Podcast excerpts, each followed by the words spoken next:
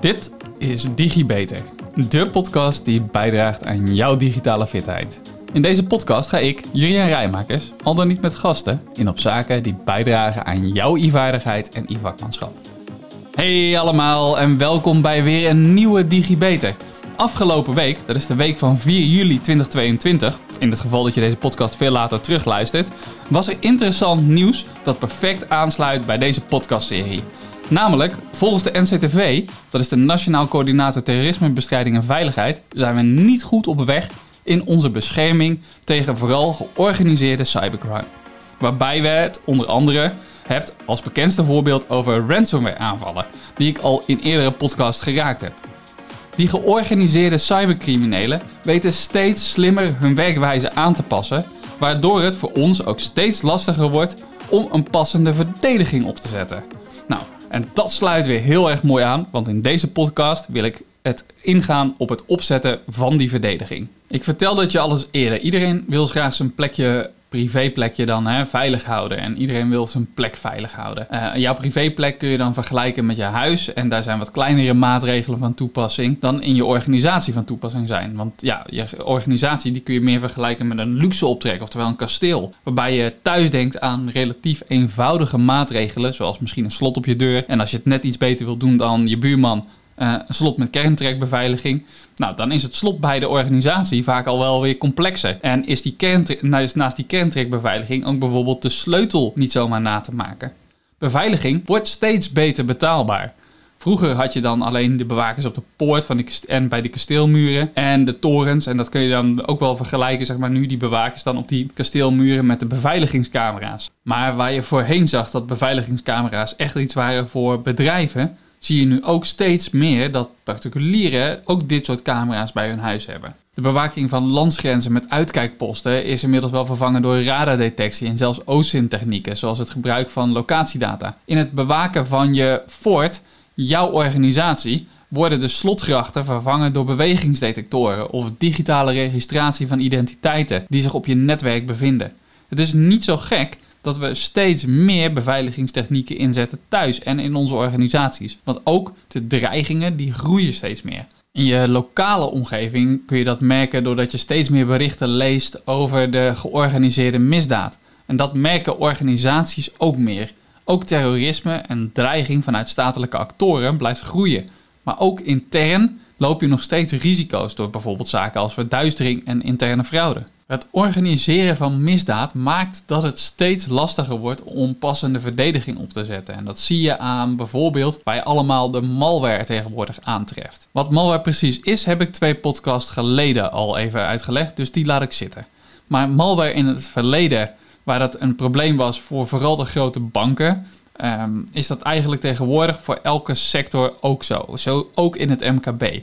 Vergelijk het met de inbreker die zich eerst alleen op grote bedrijven richtte. Maar die bedrijven maakten het hem zo moeilijk dat hij eigenlijk moest bewegen naar de kleinere industrieterreinen en naar de woonwijken. Als ik dan terugkijk op het verslag van de NCTV, waar ik deze podcast mee begon, en terugkomend op die statelijke actoren die ik zojuist aanhaalde, zie je tegelijk dat de belangen groeien en dat dreigingen steeds meer komen van statelijke actoren. Bekende voorbeelden van dit soort actoren zijn natuurlijk Rusland en China. Maar er zijn ook genoeg andere. Die actoren zijn zo mogelijk nog beter en nog professioneler gefinancierd dan de gewone georganiseerde misdaad. Maar ze zijn vaak ook uit op specifieke informatie, zoals technologische kennis. En het eerste wat dan te binnen schiet is natuurlijk ASML. Het wordt niet letterlijk gezegd in het rapport van de NCTV. Ehm, maar ja, je kan je bedenken dat uh, China heeft een groot interesse in onze chipsector. En het eerste wat dan daarbij te binnen schiet is ASML. De investeringen in cybersecurity blijven echter volgens de NCTV vaak achter. En ook missen we onder andere toezicht op of het allemaal wel goed geregeld is in je bedrijf. En tot slot heb je natuurlijk ook nog eens een keer dat de basisregels voor de digitale hygiëne, zoals onder andere multifactor authenticatie, MFA, en sterke wachtwoorden, vaak nog steeds niet op orde zijn. In de vorige podcast ging het over het inschatten van risico's. Het kiezen wat zijn nou de belangrijkste risico's die je wil afhechten. Want alles afhechten, dat is een utopie. En je zal merken dat het zelfs met de beste technieken een uitdaging zal blijven om al die, al die dreigingen buiten de deur te houden. Wat je wil voorkomen is dat je, wanneer je toch ten prooi valt, dat het een chaos is in jouw organisatie. Of een chaos bij je thuis. Want als je bijvoorbeeld een overeenkomst wil sluiten in je organisatie, waar gaat die overeenkomst zometeen nog naartoe? kan niet naar je bedrijfs-e-mail of naar je gewone e-mail, want die ligt plat.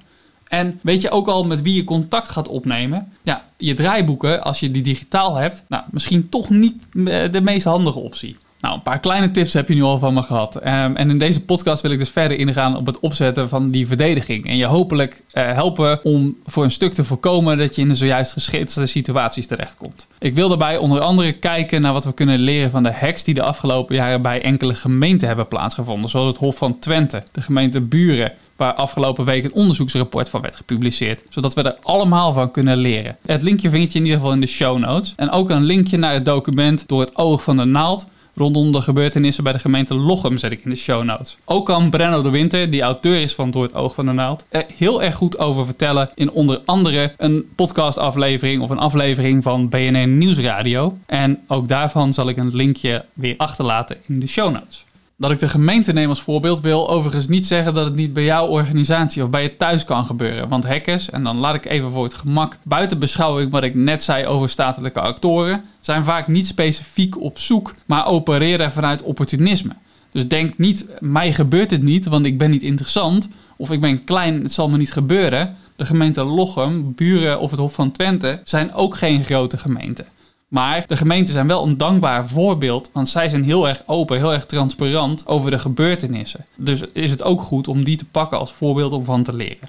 Nou, waarom zijn dan kleine organisaties uh, wel interessant en waarom ben jij wel nog interessant? Nou, je moet je voorstellen dat op het moment dat jij een ton of een paar ton binnenkrijgt met je hack, dan is dat zeker als je gevestigd bent in landen zoals India of Oekraïne of Rusland, gezien de lonen en de kosten die daar spelen, is het een interessante business case als je een paar honderd of een paar duizend keer een organisatie weet binnen te komen. En als er dan tientallen of honderden van die eh, pogingen lukken. En als je daar weer een paar procent van pakt. En dat die ook echt betalen. Ja, dan haal je zo toch snel enkele miljoenen binnen. Kortom, maakt niet zo heel veel uit hoe groot de organisatie dan is. Dat is een stuk minder relevant. Het is dus best interessant om zomaar gewoon te proberen op welke systemen je binnen kan komen. Zonder dat je eigenlijk op zoek bent naar iets specifieks of te kijken naar de grootte. Het is zoals ik al zei, door opportunisme gedreven. Je bent veel effectiever als je gewoon overal probeert binnen te komen. En dan gaat uitzoeken, nou waar ben ik binnengekomen en wat kan ik hier vinden. Stel je voor eh, dat je een specifiek doel uitzoekt dan moet je er veel meer tijd in steken, veel meer tijd in investeren om te zien hoe je daar specifiek binnenkomt. En als je gewoon zomaar een plek kiest waar je eenvoudig binnenkomt, ja, wie weet wat je daar aantreft. Wat ik je dus vertel is dat gelegenheid de dief maakt. Het geldt voor je woning, maar het geldt net zo goed voor cybersecurity, informatiebeveiliging van je software en van je hardware. Als je de informatiebeveiliging op orde wilt hebben, zal je daar zelf verantwoordelijkheid voor moeten dragen. Als je de kans hebt, dan is het des te verleidelijker om op dat dievenpad te stappen. Van het pad van het snelle geld. En eenvoudiger in de fout te gaan. En die fout, die hoeft niet eens bewust te zijn. Misschien als niet de juiste maatregelen getroffen zijn, misschien ga je delete je wel per ongeluk een bestand en tast je daarmee de beschikbaarheid aan. Alleen door samen te werken en goed te kijken, dan voorkomen we een bak ellende. En daarom hebben we het vandaag dus over die maatregelen om je huisje, om je fort te bewaken. En ik begin met de manier van werken van die criminelen. Je ziet namelijk geregeld dat als ze bij je in willen breken, zo'n proces een best langlopend proces kan zijn. Die criminelen gaan verkennen en als ze weten wat ze willen hebben, dan gaan ze misschien wel kleine stappen zetten. Zodat je eigenlijk niet eens merkt dat je onder zo'n aanval ligt. Ze willen je fort binnen, maar ze doen dat in hele kleine stapjes. Ze beginnen bijvoorbeeld achter je huis waar je hek omheen staat. En dan kijken ze of ze daarvan de sleutel kunnen namaken. Of dat ze misschien uh, het sleutelgat, uh, slot kapot kunnen maken. Dan zijn ze misschien je tuin binnen, maar merken ze dat je licht uh, daar hangt met een bewegingsdetector. En dat, het, uh, ja, dat is lastig. Dus stellen ze het licht vervolgens zo in dat het licht niet meer aangaat op het moment dat ze binnen willen komen.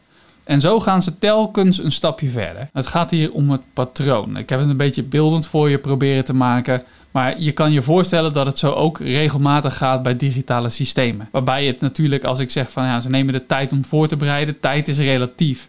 En het wil ook niet altijd zeggen dat ze op dezelfde manier te werk gaan. Maar gelegenheid maakt de dief. En als jouw werkdag erop zit, sluit je waarschijnlijk keurig je systeem af en ruim je waarschijnlijk ook nog netjes je bureau leeg. Ik weet niet of je dat ook doet als je thuis aan het werk bent, maar als ik mijn privéadministratie gedaan heb, dan uh, laat ik die thuis ook niet op tafel liggen. Dat doe ik met mijn werkdocumenten ook niet. Maar sta je ook wel eens bij stil dat als je even wegloopt voor dat toiletbezoek, of misschien nog korter voor dat kopje koffie, nou hoeveel minuten is jouw PC vergrendeld als je het niet zelf doet? Of kan er gewoon iemand lekker door jouw e-mail en door je documenten rondneuzen? Kan die toevallige voorbijganger die langs jouw PC loopt zomaar systemen openen? Die dan helemaal in één keer openen omdat er geen wachtwoord op staat. Omdat, ja, misschien zijn ze wel beveiligd, maar allemaal met single sign-on. Want je IT-beheerder heeft voor jou netjes ervoor gezorgd dat je maar één keer je wachtwoord hoeft in te typen. Ze gingen daarbij wel vanuit, hè, die systeembeheerders, dat je bij het weglopen je PC netjes lokt. En hoe zit dat voor een wachtwoord op je documenten? Of een wachtwoord op een map? of op je systeem. Die laatste zijn natuurlijk, zowel op je werk, maar ook als privépersoon, zijn die interessant. Nu heb ik niet voor niets gekeken naar de voorbeelden van de gemeente. En we hebben het over uit het zicht houden. En dat is uit het zicht houden zodat er geen interesse gewekt wordt. Maar ook zodra men binnen is, dat je niet zomaar overal bij kan.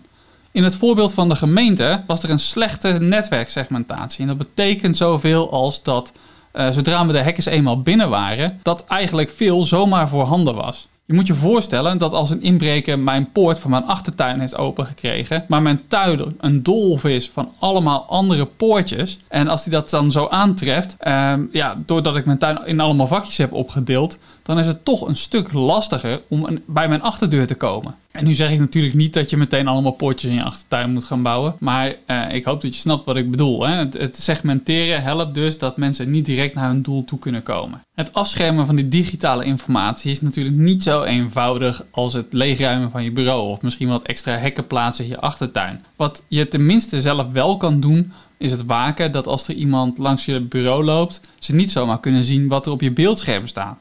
En als er iemand op je systeem komt die niet zomaar overal bij kan als het waardevolle informatie bevat. Uh, belangrijke tip is dus: vergrendel je beeldscherm en ook stel een schermbeveiliging in. Een schermbeveiliging met timer het liefst. Dat als je vergeet het systeem te vergrendelen, dat het dat na korte tijd voor je doet. Het is ook slim om je harde schijf bijvoorbeeld te versleutelen. Maar als je het gaat versleutelen, let er dan bij op dat je geen briefje op je beeldscherm plakt met waardevolle informatie, zoals het wachtwoord waarmee je de schijf weer versleuteld hebt. Gebruik liever een wachtwoordmanager om dat te onderhouden. En is het nou niet de bedoeling dat er mensen met je meekijken omdat je waardevolle of privacygevoelige informatie op je scherm hebt? Dan kun je ook nadenken over bijvoorbeeld inkijkprotectie van je systeem. Maar die heb je dus ook voor je telefoon. Dus als je dan lekker zit te tinderen, dat uh, mensen achter je in de trein niet met je mee zitten te kijken. En vervolgens zien dat jij gewoon iedereen heel desperate naar rechts swipet. Als je belangrijke informatie bekijkt of als je een wachtwoord intypt, dat mensen niet zomaar kunnen meekijken. Maar heb je nou zo'n screen protector, let dan wel op dat er niet gewoon toch nog even iemand achter je staat die op je toetsenbord aan het meekijken is wat je aan het intypen bent. Nou ja. Volgens mij zijn dit toch al wel weer een paar hele mooie hygiëneregels. Misschien kan ik er nog een paar plaatjes eh, bij verzinnen, eh, zoals de, bij de coronamaatregelen van ons kabinet. Soms kan je dingen ook gewoon op een hele andere manier uit het zicht houden. Sommige landen hebben we namelijk geen uitleveringsverdragen mee. En daarbij kun je dus denken weer aan die landen zoals Rusland. Die hackers die hebben bij ons dus redelijk vrij spel. Maar in eigen land kunnen ze natuurlijk wel opgepakt worden als ze er een potje van maken. Ik hoor en lees dan ook geregeld dat er in malware soms een check is ingebouwd voor wat betreft taal. Als een systeem dan op Chinees of op Russisch is ingesteld, dat de malware dan niet functioneert. Ik heb het zelf overigens niet geprobeerd en lijkt me ook een beetje lastig lezen uh, in het Russisch of Chinees, maar wie weet. Nou, we hebben de boel geprobeerd uit het zicht te houden. Eh, maar in mijn training digitale veiligheid en later ook op het werk ben ik geregeld er tegenaan gekomen dat het toch vooral vaak gaat over menselijke fouten, die informatiebeveiliging. Het is soms ook zo gebeurd. Je hebt een printje gemaakt van een document en daar wat aantekeningen op te zetten of een berekening opnieuw te doen. En eh, nadat je er opnieuw in verdiept hebt, heb je het kladje heb je uitgewerkt en uh, ja, werk je uit in je systeem. En hoppakee, je gooit het papiertje zo lekker in de papierbak. Uh, maar sta je er dan ook wel bij stil wat er op dat papiertje stond en in welke bak je het weggooit? Is het een gesloten bak waar niemand meer iets uit kan halen? Wordt het papiertje vernietigd of kan je het daarna uh, na het afvoeren gewoon weer bekijken? Nadenken dus over wat er op je papiertje staat is belangrijke informatie, want je hoort geregeld in het nieuws dat er weer zo'n fout gemaakt is waarbij de gevoelige data van duizenden mensen op straat liggen. En zo ook weer in het nieuws van de afgelopen week over een schijnbaar gigantische datadiefstal in China, waarbij een hackersgroep claimt data gestolen te hebben van bijna een miljard gebruikers. Dat stond in het FD. Die data die zou zijn gestolen door een digitale inbraak bij de politie in Shanghai. En als dat daadwerkelijk zo is, dan zou dat wel eens de grootste data-hack kunnen zijn in de Chinese geschiedenis. Het lijkt te gaan om 23 terabyte aan gegevens. Met onder andere namen, adressen, maar ook bijvoorbeeld dingen als een strafblad en andere identiteitsgegevens. Maar je hoort natuurlijk ook over kleinere datalekken, zoals computers die bij het grof vuil zijn gezet zonder dat een schijf gewist is, of USB-sticks die op een auto lagen tijdens het wegrijden, of oude ordners die tussen het vuilnis lagen. Dat data niet meer relevant is voor jou, dat wil natuurlijk dus niet zeggen dat het niet minder gevoelig of minder belangrijk geworden is. Of het nu geprint staat, of op je USB-stick of op je harde schijf. Gevoelige informatie vraagt om een veilige en secure behandeling. Het oordeel of iets gevoelig is, dat ligt vaak niet bij jouzelf. Tenzij ja, tenzij het natuurlijk je privé-informatie is. Maar normaliter ligt het bij afspraken die gemaakt zijn. Afspraken die je thuis maakt met je familie of in je organisatie. Of zelfs afspraken die vastliggen in de wet en in de regelgeving. Dus ben je bezig met vertrouwelijke informatie bij je thuis, bij het thuiswerken of op je werkplek, onafhankelijk van of dat nu op het scherm is of op papier, berg je informatie netjes op. Je laat je huissleutels toch ook niet zomaar liggen, net als je privételefoon. Een toegangspasje dat rondslingert, dat kan bijvoorbeeld bijzondere consequenties hebben in de handen van de verkeerde mensen. Stel je voor, je werkt voor Shell. En een activist vindt je pasje waarmee die activist door de toegangspoortjes heen kan. Vervolgens kan die activist keurig bij al jouw collega's, of misschien wel op jouw scherm, kijken of door die papierbak heen neuzen wat voor informatie die kan vinden om tegen jouw organisatie in te zetten. Nou, dat kan een knap zure uitwerking hebben natuurlijk. Ik wilde weer een voorbeeld bijpakken, want bij een van de gemeenten werd er namelijk langzaam geïnfiltreerd, zoals in het voorbeeld eerder. En het werd door de criminelen dan al snel duidelijk dat de gemeente niet had ingezet op multifactor authentication, MFA. Nou, die heb ik net al eerder genoemd. Oftewel, de, MFA is een methode om de authenticiteit van de gebruiker te kunnen controleren op meer dan één manier bijvoorbeeld je wachtwoord en een tijdgegenereerde code. Of je wachtwoord en een speciale USB-stick die je nog ergens bij in moet stoppen. Als je enkel je wachtwoord gebruikt, ligt het dus ook wel achter slot, maar niet achter grendel.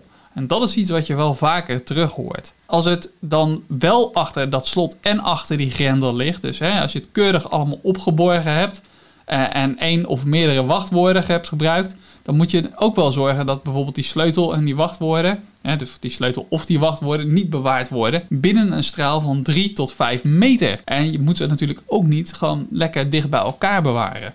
Als je nu keurig die multifactor authenticatie hebt, bewaar het dan niet zo dicht samen dat je in één keer die, dat wachtwoord en die multifactor authenticatie of die speciale USB-sticks uh, samen op kan pakken. Nou heb ik de basis voor veel dingen thuis heb ik wel gelegd. En voor je organisatie heb ik, de, ja, heb ik natuurlijk ook al een hoop gehad. Maar in je organisatie zou ik, zeker als het om informatie gaat, nog wel een aantal stappen verder willen gaan. Uh, privé maken we al vaak backups, maar in het bedrijfsleven is dat toch wel een beetje de standaard. Alleen hoe dat gedaan wordt, is niet altijd even handig. Je ziet het op USB-stickjes of soms op een NAS, een Network Attached Storage. En in het Nederlands, hè, op goed Nederlands, of dan hoop ik goed Nederlands, en uh, op het netwerk aangesloten opslag. Dat is simpel gezegd uh, gewoon eigenlijk een harde schijf waar je data op opslaat die je aan je netwerk koppelt in plaats van aan je individuele systeem. Uh, maar waar je rekening mee moet houden en dat is hetgeen wat je wel vaker terugleest en terugziet in de voorbeelden, is dat de indringers actief op zoek gaan naar daar waar de backups gemaakt worden. Dat is een hele slimme en een praktische aanpak. Want als je nu de boel als hacker helemaal versleuteld hebt, zodat niemand er meer bij kan, dan wil je natuurlijk ook zorgen dat de organisatie waar je bezig bent niet snel, of het liefste natuurlijk helemaal niet, terug kan naar de oude situatie zonder dat jij daarbij van dienst bent, zonder dat jij daarbij helpt. Want dat maakt het natuurlijk uh, veel groter, en die kans maakt het veel groter, dat zo'n organisatie jou ook echt gaat betalen. Als je dan je backups op zo'n eenvoudige NAS doet of op zo'n eh, USB-stick, nou, dan kun je er natuurlijk een donder op zeggen dat, uh, dat dat ergens fout gaat. Daarnaast wil ik ook graag even de aandacht vestigen op een stukje van de menselijke kant. Moet je namelijk voorstellen, bij een van de gemeenten speelde dit. En ja, zo begreep ik uit, het, uit een verhaal van Brenno, was dat alle data daar verloren is gegaan. Mede doordat de backups dus op die NAS plaatsvonden. En je moet je voorstellen dat die mensen die dan al hun levenswerk, al hun passie stoppen in het uh, goed archiveren van bijvoorbeeld informatie op zo'n NAS, dat die in één keer hun hele levenswerk vernietigd zien. Dat, ze zien alles verdwijnen, alles is weg. Je hebt daar je hele hart en je hele ziel in gestoken.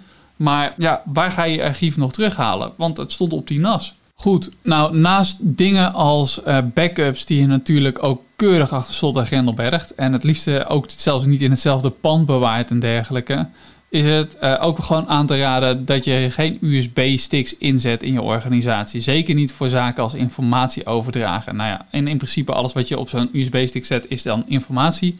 Dus gewoon geen USB-sticks gebruiken. Misschien wil je wel zo ver gaan dat je de informatie niet eens van je systeem af kan halen en richting een USB-stick kan zetten. En zet je de USB-poorten in zijn geheel dicht. Gebruik liever een veilige clouddienst of bijvoorbeeld een versleutelde harde schijf en een, of een backup. Wat die veilige diensten zijn, daar wil ik nu eigenlijk niet op ingaan, want dat reikt gewoon veel te ver. Ook is het uh, wel goed om uh, je aan te raden om na te denken over de encryptie. Ik zei het al eerder. Je moet je voorstellen dat criminelen, als ze binnenkomen en bij jou de boel op slot gooien, uh, ze ook vaak bij jouw data kunnen. Of soms gewoon zelfs eh, gewoon delen van jouw data stelen. Ik had het er net al over dat de hackers meerdere manieren zoeken om de kans te vergroten om betaald te worden. Ook het stelen van al dan niet uh, stukken van jouw data kan een drukmiddel zijn om je te laten betalen. Door bijvoorbeeld te dreigen dat de data die ze gestolen hebben, dat ze die online gaan zetten als jij niet betaalt. Als je dan je data versleuteld hebt, dan kan zo'n crimineel er toch weer minder mee. Overigens kan je encryptie natuurlijk ook gewoon thuis toepassen. Realiseer je echter wel dat op het moment dat je dus je boel versleutelt, dat je als je die sleutel kwijtraakt, dan gaat het decrypten ook niet meer lukken en kan je je data als verloren beschouwen. Uiteraard, nu je al deze maatregelen getroffen hebt, kan je niet lekker lui achterover gaan zitten. Want ja, er zijn genoeg brutalen die als het ze niet gelukt is om jouw toegangspasje te bemachtigen, op een andere manier zullen gaan proberen binnen te komen. Bijvoorbeeld door social engineering, door je te manipuleren. Ze misbruiken dan de eigenschappen van ons als mens. En dan heb ik het over onze eigenschappen, zoals nieuwsgierigheid, vertrouwen, hebzucht, maar ook angst en onwetendheid. Dat zie je terug in onder andere phishing mails, waar ze achter je informatie proberen te komen. Deze manieren van werken herken je niet zo snel, omdat het vaak uh, welbespraakte mensen zijn. Ze zijn vlot en soms zijn ze ook gewoon bijzonder aantrekkelijk. Ze zijn meester erin om jouw aandacht af te leiden en je vertrouwen te winnen. En als je denkt dat sommigen daar niet voor zullen vallen, dan onderschat je echt je eigen vaardigheden en het killerinstinct van die social engineers. Ik vond het zelf fantastisch om te kijken naar de Tinder Swindler op Netflix. Niet omdat het nou zo'n leuke serie was, maar om wat hij deed. Je krijgt daarin een heel mooi voorbeeld van hoe zo iemand perfect op gevoelens weet in te spelen en die weet uit te nutten. En dan was dit telkens weer hetzelfde trucje wat hij deed. Maar zoals ik in het begin al zei, zitten er steeds meer professionals die dit vaak in een georganiseerd verband doen. En daarmee van veel meer markten thuis zijn. En dus ook veel meer kunnen dan telkens door datzelfde hoepeltje springen. En als het je nu niet lukt om de boel veilig te krijgen, dan is detectie vanuit je wachttoren toch wel het minste wat je kan doen. Zoals ik al zei, criminelen zijn soms al maanden of al langere tijd bezig met het voorbereiden. En als je dan die detectie goed ingeregeld hebt, ja, dan moet het toch lukken als je ze niet al gespot hebt bij het binnenkomen, om dan hopelijk ze nu wel te kunnen spotten.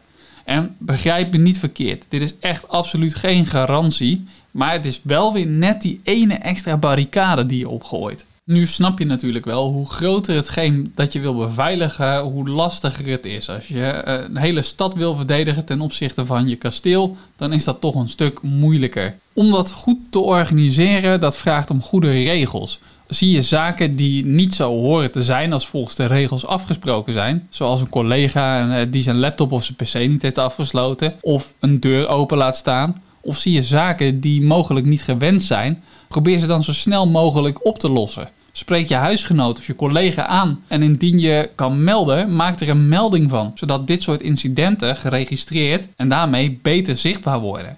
Ook wil je weten wie waarvoor verantwoordelijk is. Mag jij alleen de sleutel van je huis laten kopiëren of mogen je kinderen dat ook? Wie staat er wanneer op wacht? Wie bepaalt welke acties wanneer ondernomen mogen worden?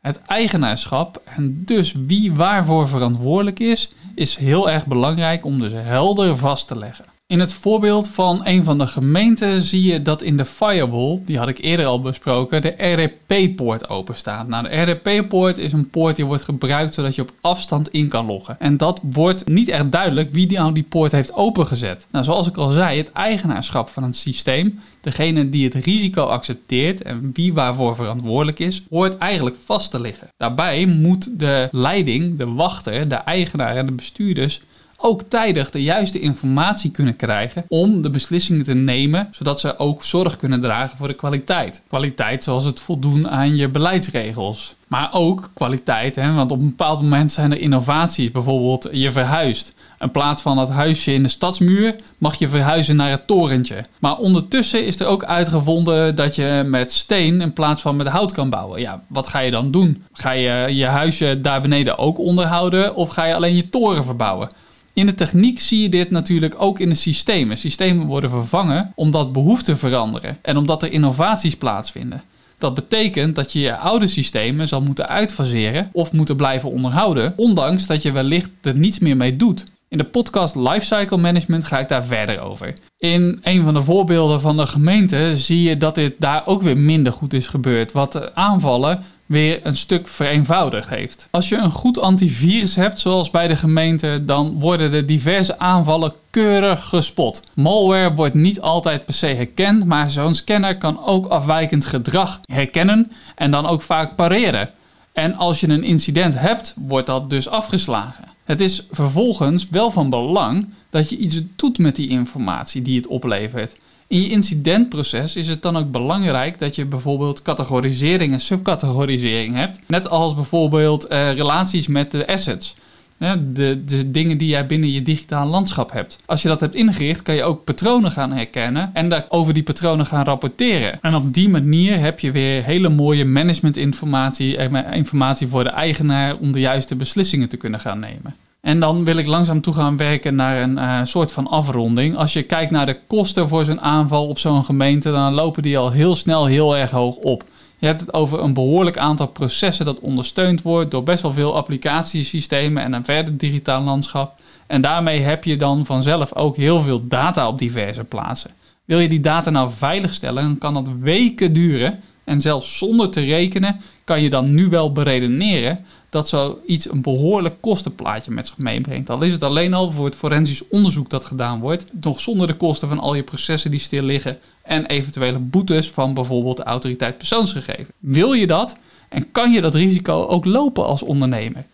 Ik kan daar natuurlijk voor jou geen antwoord op geven, maar volgens mij zou het nee moeten zijn. Wat ik mooi vind is dat dit soort onderzoeksrapporten worden gedeeld. Het is alsof een soort van onderzoeksrapport van de politie van je buren wordt gedeeld. Je kan daar van alles van leren. Het is vervelend dat het zo gelopen is, maar het is goed om van de angst en die faalcultuur die hier omheen hangt, om daarvan af te komen. Je bent niet stom geweest, maar je bent het slachtoffer geworden van een misdrijf. Als we samenwerken en van elkaar leren, maken we het de hackers al snel een heel stuk lastiger om bij ons, maar ook om bij onze buren binnen te komen. Waardoor ze mogelijk in andere wijken gaan shoppen. En een mooie bijkomstigheid is ook dat als je het niet meer zo rapporteert vanuit de schaamte, dat je dan ook minder kwetsbaar wordt voor chantage. Want je zou je niet moeten af gaan vragen of je nou slachtoffer wordt van zo'n misdrijf, van zo'n digitaal misdrijf, maar wanneer. Nou, waar hebben we het nou vandaag over gehad? Ik heb het gehad over de maatregelen om je digitale fort te bewaken. Het optrekken van de muren en het afkaderen van ruimte om ervoor te zorgen dat niet direct alles in zicht is. Ik heb het ook gehad volgens mij over hoe je zo goed mogelijk om kan gaan met het opbergen van je waardevolle spullen. Het liefst achter slot en grendel,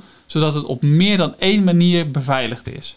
Maar ook heb ik je verteld dat je nooit alles afdekt. Dus niet alle risico's zijn altijd volledig afgedekt. En dus zal je ook op wacht moeten blijven staan. Je zal ervoor moeten zorgen dat de informatie die je krijgt vanuit die wachttorens van goede kwaliteit is. De volgende podcast wil ik ingaan op de verdediging.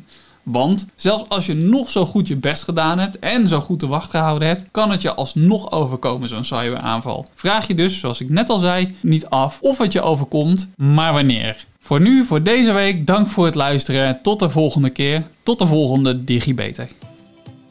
Vond je dit nu een leuke uitzending en wil je meer weten? Abonneer je dan op de podcast door op volgen te klikken.